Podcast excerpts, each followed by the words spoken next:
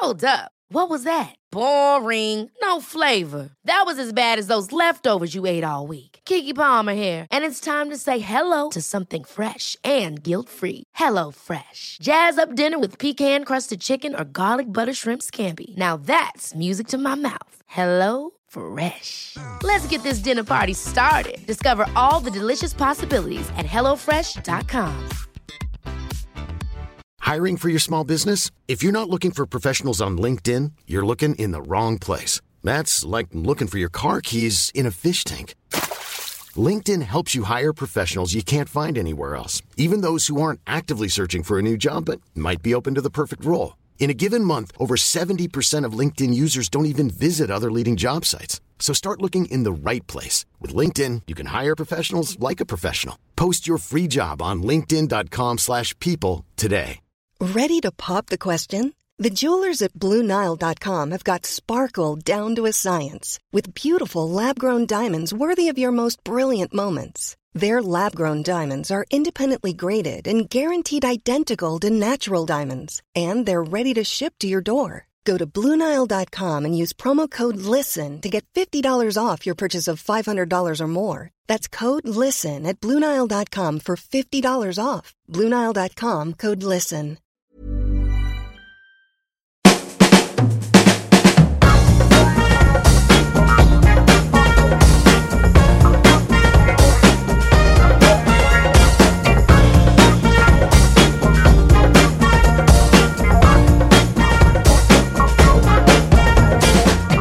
Välkomna till Health for Wealth, en podd om hälsa på arbetsplatsen. Det här är vår tredje säsong, avsnitt 28.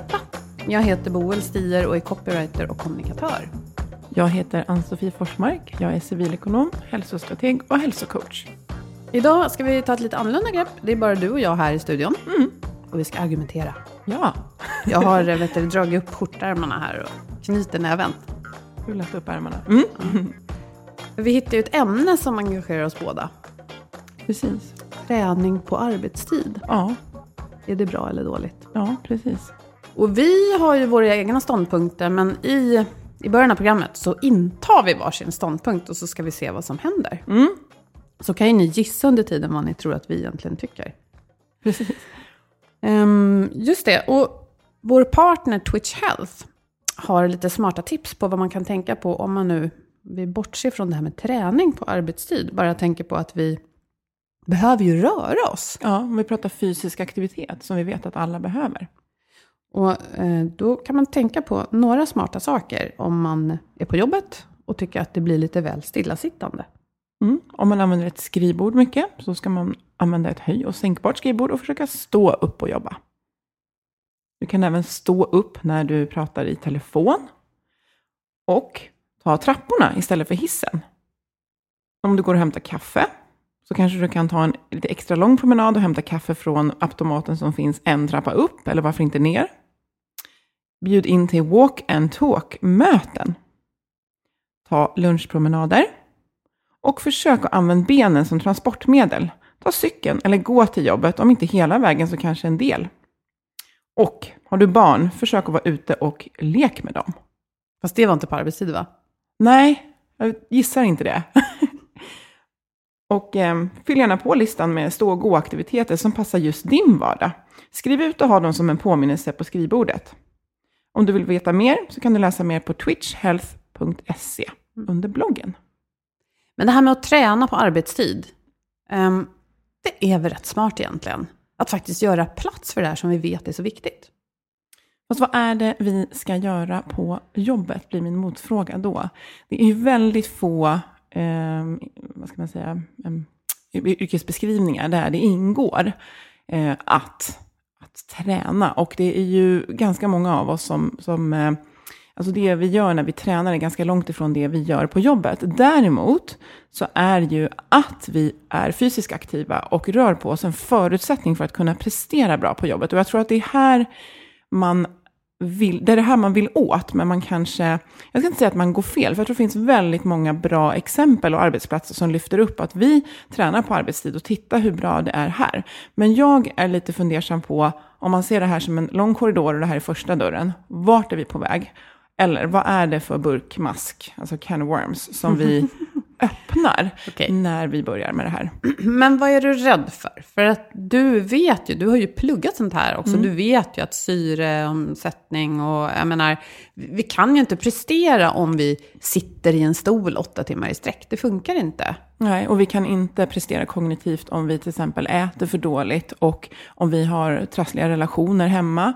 Och eh, bland det viktigaste av allt i Sverige just nu, en av tre är trötta. Och jag skulle säga att den mest akuta effekten kanske på att prestera bra på jobbet, det är ju att sova bra. Ja, men okej, bra. Men nu går du ifrån ämnet lite grann. För att jag är ju på andra sidan här och hävdar faktiskt att det kan vara rätt bra att ge utrymme för att träna på arbetsplatsen. Eh, om, om vi håller oss till det då. Vi kan göra jämförelser med andra eh, ämnen, det, det, är jag med på. Som så här eh, spelregler för när vi möts i ringen. Men eh, om vi tittar på just träning så är det väl ändå så att de flesta, eller de flesta, jo jag tror att de flesta ändå skulle vilja röra på sig mer. Men man har svårt att få in det i livet. Är det inte ganska bra då att en arbetsgivare säger att men här är en timme i veckan, rör på er på något sätt, gör det. Och så får man kanske lösa det själv. Ja, jag, jag förstår det. Men jag, jag, jag hävdar att jag inte viker från ämnet när jag säger att om... För jag tycker vi ska återgå till syftet. Syftet är ju gissningsvis att vi vill att våra medarbetare ska må bra och prestera bra på arbetsplatsen. Och då vet både du och jag, efter 27 tidigare avsnitt, att för att det handlar ju förstås inte bara om fysisk aktivitet, utan det handlar om tydligt ledarskap och trivas, känna sig välkommen. Och, och liksom de bitarna jobbar man förmodligen också med. Eh, Gör man inte det så är ju de betydligt viktigare att få på plats innan man lägger till eh, till exempel träning. Ska vi kalla de grejerna du nämnde nu för liksom arbetsmiljöfrågor? Så Ja. har vi det paketet lite för sig. Precis. Och nu de pratar är- vi om något annat. Mm. Ja. Eh, och sen är det ju också så att det jag tycker blir väldigt fel, det är just det här att vi börjar komma för långt ifrån vad det är man ska göra på arbetsplatsen. Och vi börjar komma väldigt långt ifrån vad jag tycker att arbetsgivaren har rätt att styra i. Så. Så, så det i grund och botten är en integritetsfråga för dig? Ja, det är det. Därför att vi vet, och det här pratar man väldigt mycket om redan, att eh, eh, för det första så är det ju kanske många som inte upplever att de ändå har tiden, därför att man, man är inklämd mellan dagislämning och hämtning kanske, eller skola, eh, och vill gå till jobbet och jobba och gå därifrån och kanske tränar eh, ändå. Ja, fine. Och sen har vi de som jag gissar att vi vill komma åt, där vi ser den absolut största marginaleffekten på fysisk aktivitet. Det är de som är väldigt stillasittande och går från i princip liksom ingen fysisk aktivitet till att börja träna. De är i många fall svåra att komma åt och där känns det som att vi börjar trampa väldigt mycket på integritet om vi bestämmer att de ska träna. Och då vet jag att många företag säger att ja, nej, men det krävs absolut inte att man måste gå på något svettigt gympass här, utan det räcker att komma upp i puls under en promenad. Eh, ja, alltså fine, men, men det är ändå så här, vad är det vi ska göra på jobbet? Om syftet är att må bra så är det i många fall andra saker som blir betydligt viktigare än att avsätta tid på arbetsplatsen. Däremot så är det skillnad på, och det här, jag har jobbat med det här i snart 20 år, eh, att skapa förutsättningar för att uppmuntra och att informera och sen låta individen själv utifrån sina förutsättningar eh, röra på sig. Men är inte gränsen hårfin då? För att, som du säger, att ge förutsättningar för någonting i en vardag där man ska vara åtta timmar på jobbet, hinna hämta barnen, eh, fixa käk för dem och, och så ska man hinna klämma in träningen och allt det där utanför. Är det inte ett ganska bra sätt att fixa förutsättningarna för medarbetarna och säga här får du en timme av de här 40 i veckan som du kan ägna åt träning, promenad, vad du tycker passar dig. Och så behöver man inte övervaka det. Nej, då tycker jag kanske att man kanske kan jobba, inte åtta timmar. Men det är en helt annan diskussion. Men jag tycker absolut, så här är det ju, att om vi delar in dygnet i tre block, som de flesta ändå gör, att man ska vila åtta timmar, ska vila, och så har åtta timmars fritid. Och in, i de timmarna så ska du också ta dig till och från arbetet. Och sen så är det åtta timmar på arbetsplatsen. Så kan vi, och det här är någonting som jag verkligen har med mig som en eh, liksom ett verktyg och som jag hävdar, det är att du måste kunna ta hand om hälsan under de åtta timmarna du är på arbetsplatsen. Men om vi då definierar vad hälsofrämjande motion är kontra träning, eh, så så ska vi absolut ge förutsättningar för att hålla i, alltså äta bra, ha pauser för återhämtning och fysisk aktivitet under arbetstiden. Men jag tror att det man gör är att man tar en genväg när man då bestämmer att då är det liksom träning vi ska, vi ska ge plats för. Istället för att vi bygger in, leder, styr, uppmuntrar till hälsofrämjande fysisk aktivitet under arbetsdagen på olika sätt. Höj och sänkbara skrivbord, vi tar walk and talk-möten. De här tipsen som vi nämnde alldeles ja, nyss från Twitch till exempel. Ja, Och för att de ska få effekt så behöver vi leda i dem och vi behöver prata om dem, vi behöver bygga in dem i kulturen. Jag behöver känna eh, att när jag föreslår att du och jag ska ha ett möte så är min första tanke, kan vi ta en promenad när vi diskuterar det här och så kanske vi sammanfattar skriftligt sen. Det här tar ju lite längre tid, det är lite, nu säger jag citationstecken, mjukare att göra det på det här sättet. Och det har de flesta inte tålamod Utan vi vill ju kunna mäta saker liksom kvantitativt. Och då kanske det är lätt att slå i den här eh, spiken med träning på arbetstid. Så. Men det kan ju också vara så att man faktiskt lockar rätt eh, arbetstagare. det är ju många som slåss om rätt kompetens på arbetsmarknaden idag. Om det nu är så att det lockar många att få den här timmen, antingen man redan tränar mycket, eller man är en sån som skulle vilja få in den där enda timmen. Är inte det rätt okej att göra det då? Nu, det här har jag inte några direkta belägg för, men jag skulle gissa att den som skulle behöva få in den där timmen, eh, jag vet inte om det, det, här är det första som kommer locka den. Dessutom, och det här är också sticker ut hakan lite, vi har jättemånga eh, väldigt hög, hårt presterande som dessutom lägger på väldigt utmanande träning ovanpå kanske familjeliv och karriär. Eh, sikta på maraton och Vasaloppet och, och, allt sånt här som man ofta tyvärr benämner som hälsa. Eh, en sån person behöver definitivt inte mer träning för att öka sin prestation på arbetsplatsen. Eh, och jag vet inte 17 om det är rätt att locka med. Det är kanske de personerna som behöver ta det lite lugnare under den hektiska perioden och just ta ett promenadmöte istället för hårda intervaller på lunchen. Men precis, och du nämnde tidigare att det är några man behöver nå mer än andra, eh, där det skulle vara högre marginaleffekt, alltså soffsittare som inte tränar alls. Eh, och det kan ju stämma, samtidigt så den här gruppen som du nämner då, som kör jättehårt, jag vet inte.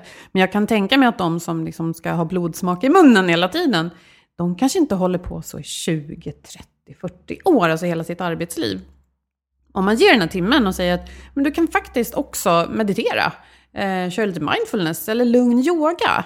Eh, alltså att man definierar det här med träning eller rörelse på ett annat sätt.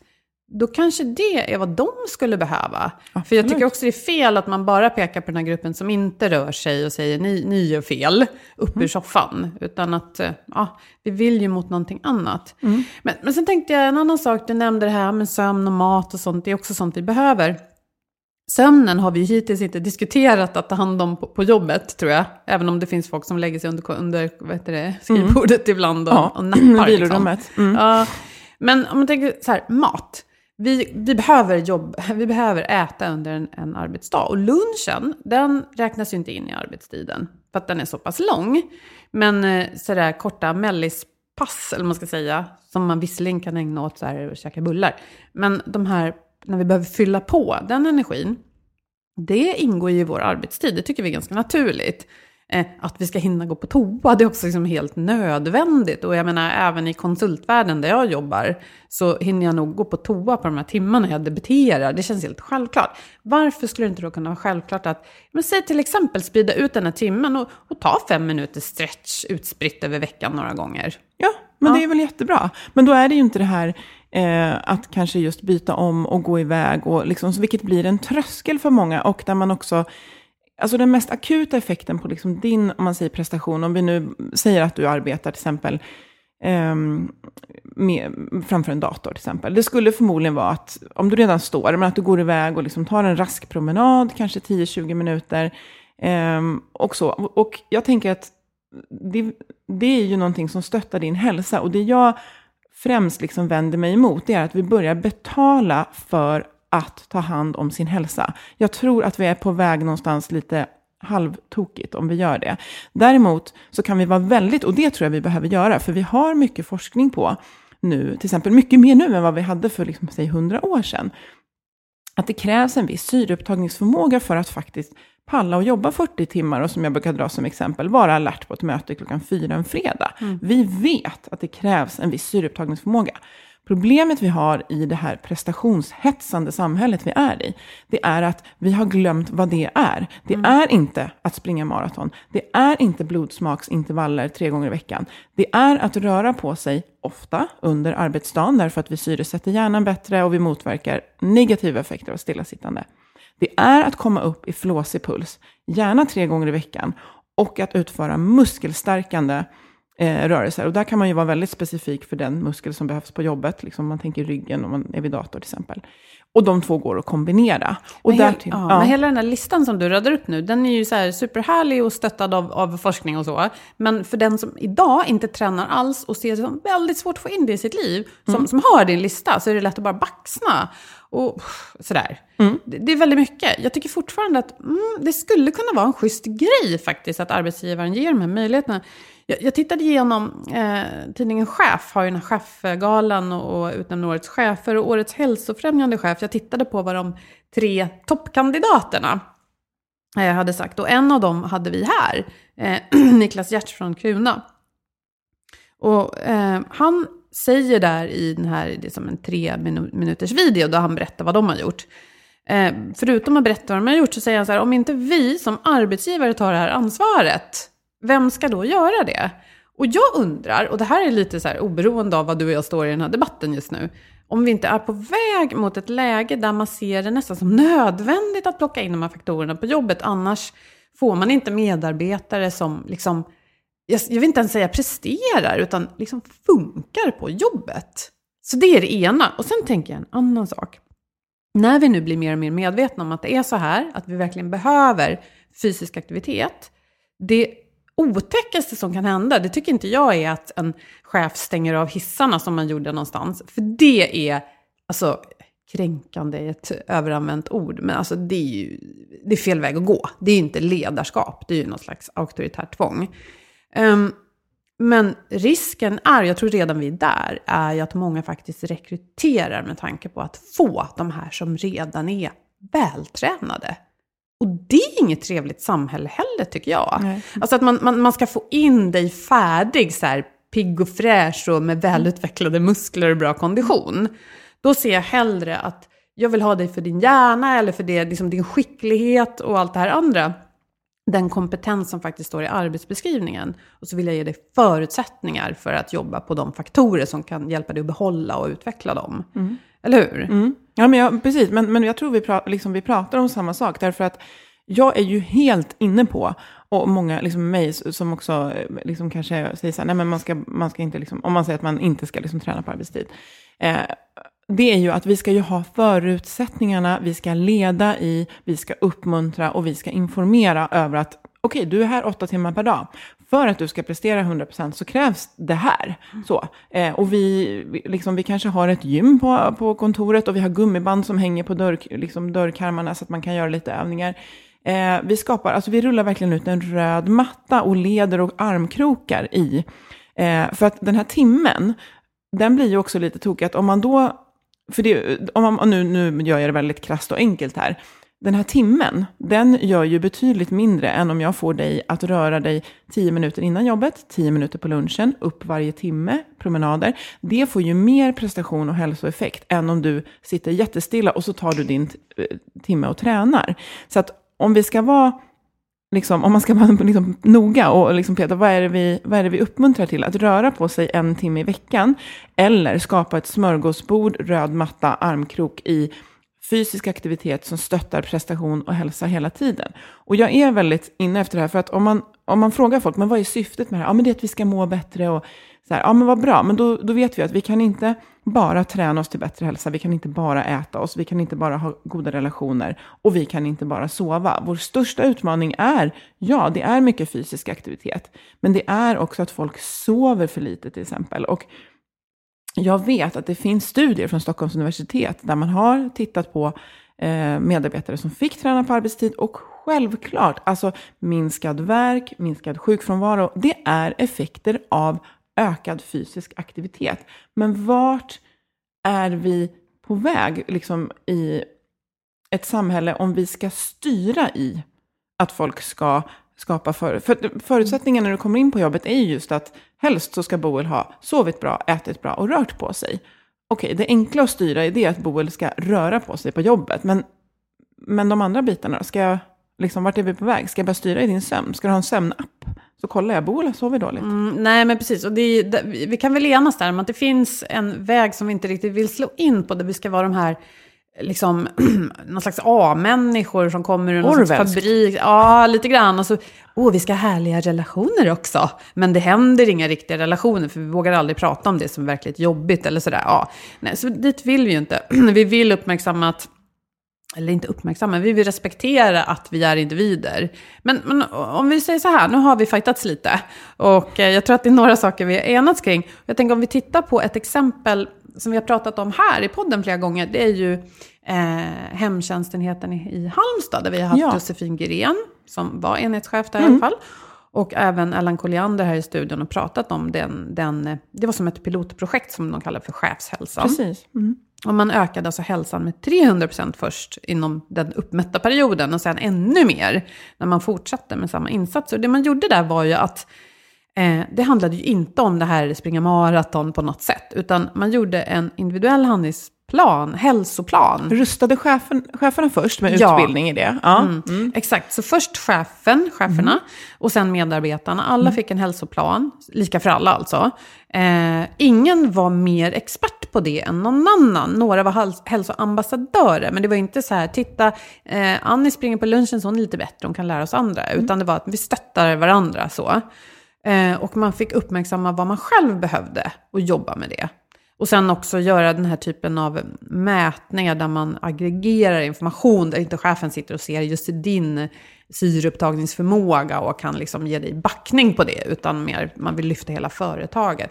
Och det verkar ju funka. Ja, och det var ju en helt fantastisk liksom, satsning, just mm. det här att möta dig där du är. Och eh, jag tror jättemycket på att de här som är, kanske ska vara våra största hälsoförebilder, Eh, det är kanske inte den här som springer runt i Lykra hela tiden och har kört liksom klassikern, utan kanske någon som har hund, en kolonilott, ute och rör på sig, har en ganska skön och lite relaxed inställning till kost. Och här blev det ju så att man, man mötte alla individer där de var. Man började med att rusta cheferna, som inte heller var på något sätt hälsoexperter. Och, och det var Josefin så öppen med själv, att jag måste föregå med gott exempel, men ja, jag började, hon började cykla till jobbet och sådär. Och sen drogs det igång liksom projekt. En eh, kulturförändring, en kulturförändring, precis som du var ute efter där. Mm. Där det lika gärna skulle kunna vara då gummiband på... För jag menar, inom hemtjänsten så är man på många olika ställen ja, hela tiden. Mm. Men säg att det är ett kontor. Ja, sätta upp lite gummiband mm. och liksom etablera en, en vana av att man kör promenadmöten när man är två eller tre. Det är kanske sånt som skulle vara mest verkningsfullt. Och, och, och just akta oss för det här smått fascistiska samhället där man sållar bort den mm. som är, vad vet jag, överviktig eller inte kan visa på att de har varit med i ett mm. maraton när man rekryterar. Mm. För det är ju sjukt obehagligt. Mm. Och, just det här att man, och jag, jag, vet ju liksom flera exempel där man har, liksom, för det finns ju olika saker, det kan ju vara att man ger friskvårdsbidrag till en grej. Liksom. Och sen så är det att man kanske betalar människor för att träna, så man får som en bonus när man tränar. Och sen har vi att man kanske tränar på arbetstid. Och vi har ju ett otroligt, alltså om vi pratar hela samhället, så, så har vi otroligt olika möjligheter. Eh, vissa har mycket lättare, vissa har liksom den ekonomiska kraften att investera i ett gym. Eh, och jag vet också att man, om man tittar men närmare på... Men kostar inget. Nej, men precis. Och man, och man vet ju att man liksom presterar bättre kognitivt man tar en promenad, så man får ut mera mötet. Ja. Men, men just att om man, om man säger då att man till exempel betalar någon för att träna, och så säger man, men vad krävs? Nej, men att komma upp i puls, och så har det helt plötsligt landat i att man har betalat någon för att liksom skotta sin uppfart. Ja, alltså, men det är ju så här, i enskilda fall så kan man alltid lyfta upp och säga att det här funkar fantastiskt hos oss, men vi vill ju ta samhällsperspektivet och vi vill liksom se, men vad, vad är det vi ska göra på jobbet? Vad är det vi ska betala för? Kan vi betala människor för att ta hand om hälsan? Jag hävdar nej. Jag hävdar ge förutsättningar, uppmuntra. Mm. Och jag är lite nyfiken på att höra mer om exempel där man ändå faktiskt har låtit folk få en sån här timme och höra vad det har lett till och hur man har tacklat de här ja, möjliga problemen längs vägen som ju du väldigt tydligt målar upp. Um, jag tänkte på förra avsnittet, då hade vi Ylva Elvin Novak här som pratade om just det här trivselfokus kan bli, och, och liksom relationsfokus på jobbet kan slå fel. Därför att istället för att vi mår bättre kan vi ibland fastna i någon slags så här, personliga relationsgrötar och, och glömma fokus. Varför är vi på jobbet? Så det är, det är samma sak där egentligen. Varför är vi här? Och det hon sa var ju också att det kan i sig råda bot på en del så här relationsknutar. För man lyfter sig från det här lite småttiga, även om det kan vara nog så jobbigt, och titta på vad vi ska göra tillsammans. Så kanske ändå att man, om man har ett tydligt fokus på varför, men också kan koppla det till ja, de här promenadmöten eller gummibanden, eller att man faktiskt får stå och stretcha lite vid skrivbordet, att det är okej. Men jag tror att när man tar sig tiden att göra det, just det här att definiera att vårt, vårt syfte är det här, och nu vet vi att ja, men det krävs, liksom, för nu har vi den forskningen, det krävs den här syreupptagningsförmågan. Och då tror jag att tröskeln blir betydligt lägre, för när vi definierar den, då ser alla att så här, ja, men du, 30 minuter per dag, alltså aktivt sådär, det kan, jag, det kan jag få till. Alltså det kan jag få till, liksom. den går 20 minuter på morgonen, 10 minuter på lunchen och så 20 minuter efter. Okej, okay, och sen behöver jag liksom komma upp i flås och det här. Ja, men det där, det kan jag faktiskt få till. Alltså det kan nästan alla få till. Då har vi liksom definierat det. Och sen så säger vi så här, hur hjälps vi åt att få till det här? Alltså den inbjudande är ju mycket trevligare. Och det, det är kanske så många har gjort och det kanske har landat i att jag vill träna tillsammans på arbetstid. Men eh, personligen skulle jag bli jätteirriterad. Jag vill gå hem. Mm. Låt mig vara. Mm. Jag vill och, göra mitt. Och just att eh, det kan ju lätt bli så att ja, men just många springer till exempel. Mm. Men jag vill göra något helt annat. Jag vill spela tennis. Och då måste jag ändå gå ifrån jobbet. Jag kan inte mm. göra det eh, i lunchrummet. Nej, men sådär, jag kan inte springa i lunchrummet heller, men kanske utanför kontoret. Det, det, kan lätt bli en sådär tvångsmässig kultur, även om tvånget inte är uttalat. Så att, mm, det gäller nog att, att, tänka sig för, framförallt om man är chef, ledare. Vad är det för, som du säger, exempel mm. man sätter? Och jag tror att vi landar då i, i någon slags samsyn trots allt. Um, och en, en grej som du har pratat mycket om, och som du har fått snacka lite om här nu också, det är ju just det här varför det är viktigt att prata motion i första mm. hand och inte träning. Mm. Och, och, kan du inte bara tydliggöra den distinktionen en gång? Ja, men precis. Och nu ska jag få begreppen rätt i mun. Men om man, om man till exempel tittar på Världshälsoorganisationen och Folkhälsomyndighetens liksom rekommendationer så är det ju, eh, alltså motion definieras som det här med liksom 30 minuters liksom aktivitet varje dag. Eh, att röra på sig ofta, och då kan vi säga men kanske en gång i timmen. Och sen så att kom, muskelstärkande två gånger i veckan och komma upp i puls. Om jag ska ge som, som exempel, så du kanske tar en promenad, att man liksom ser till att få tio minuter innan jobbet. Och sen så ser man till att röra på sig varje timme. Man kanske tar promenad på lunchen, vilket också, om man kommer ut, är det bra. Och röra på sig varje timme kan vara att jag ställer mig på sträck ja, en, en minut. Ja. ja. för det, annars låter det lätt lite ja. mycket. Mm. Ja, men precis, och röra lite på sig. Och sen kanske få till då tio minuter på vägen hem från jobbet. Och sen så kanske jag går på ett, eh, lite partisk här då, men ett Friskis och Svettis medelpass tre gånger i veckan. Där jag får liksom cirkelträning och flås och dessutom får ligga ner och koppla av i en minut efter. Det tror jag många behöver. Och det eh, kan ju vara ett funktionellt pass i det skogen kan vara som inte kostar en slant. Nej, mm. verkligen. Det kan vara utomhus också. Men om man, ja, mm. precis, att man är ute och rör på sig så.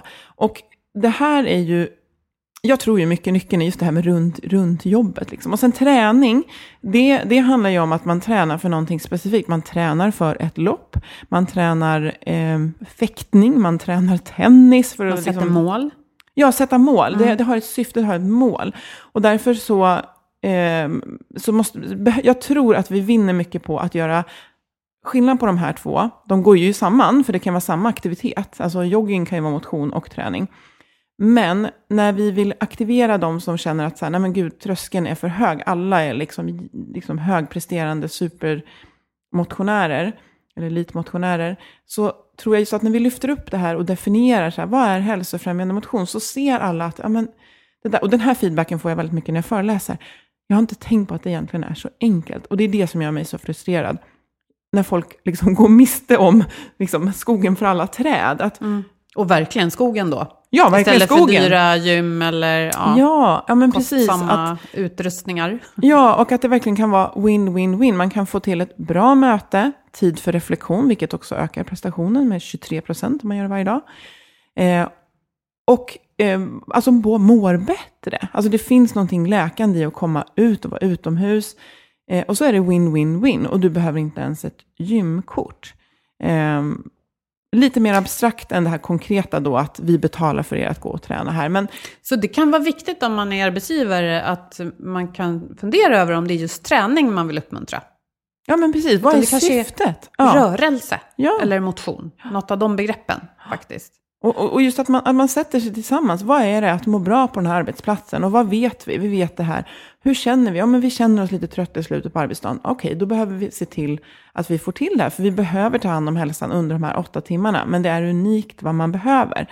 Och det finns ju en uppsjö av företag som liksom kapitaliserar på den här liksom lite stressen över att vi måste också göra någonting för hälsan.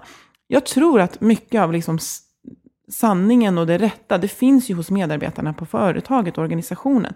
Samla och liksom diskutera, vad behöver vi? Då känner ju alla också att de har varit med själva. Och så kanske den personen som, men herregud, jag har ju tagit lunchpromenader här i 20 år, får kliva fram och vara lite förebild snarare än den som klämmer in liksom blodsmaksintervallerna. Så. Mm. Vilket man som sagt kanske inte gör i två decennier. Nej, precis. Nej.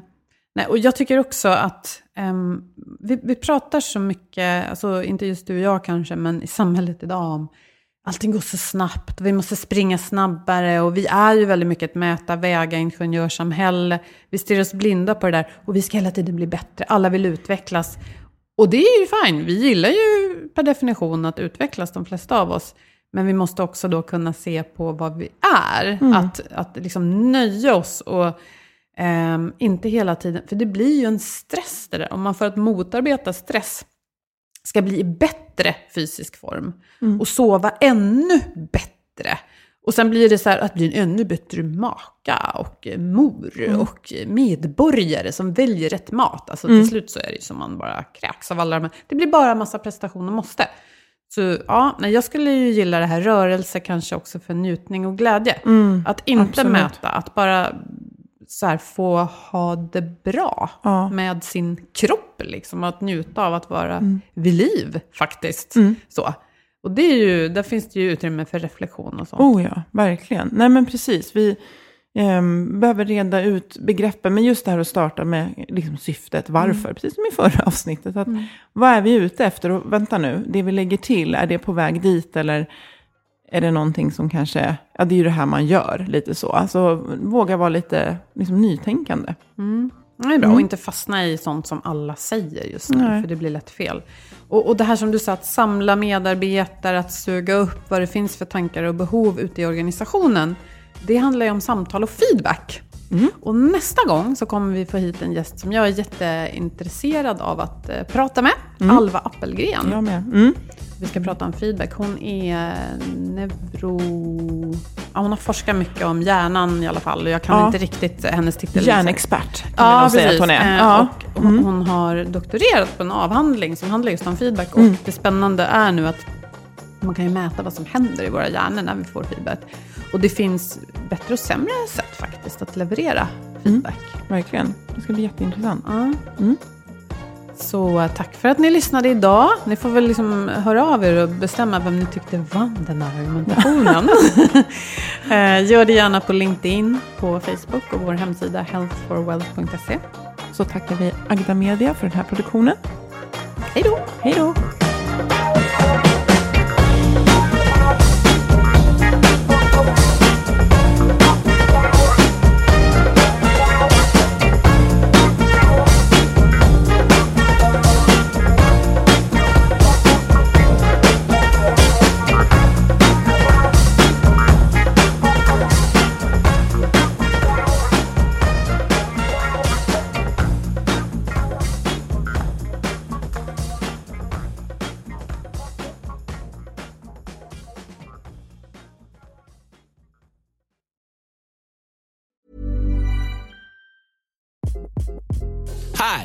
Craig Robinson from Ways to Win, and support for this podcast comes from Invesco QQQ, the official ETF of the NCAA. Invesco QQQ is proud to sponsor this episode and even prouder to provide access to innovation for the last 25 years. Basketball has had innovations over the years too. We're seeing the game played in new ways every day. Learn more at Invesco.com slash QQQ. Let's rethink possibility. Invesco Distributors, Inc.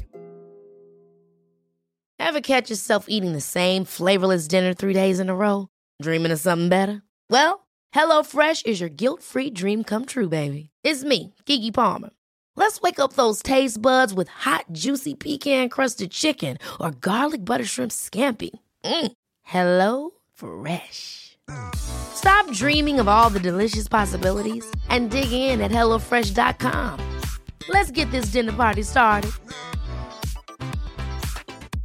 Even when we're on a budget, we still deserve nice things. Quince is a place to scoop up stunning high-end goods for 50 to 80% less than similar brands. They have buttery soft cashmere sweaters starting at $50, luxurious Italian leather bags, and so much more. Plus, Quince only works with factories that use safe, ethical, and responsible manufacturing. Get the high-end goods you'll love without the high price tag with Quince. Go to quince.com/style for free shipping and 365-day returns.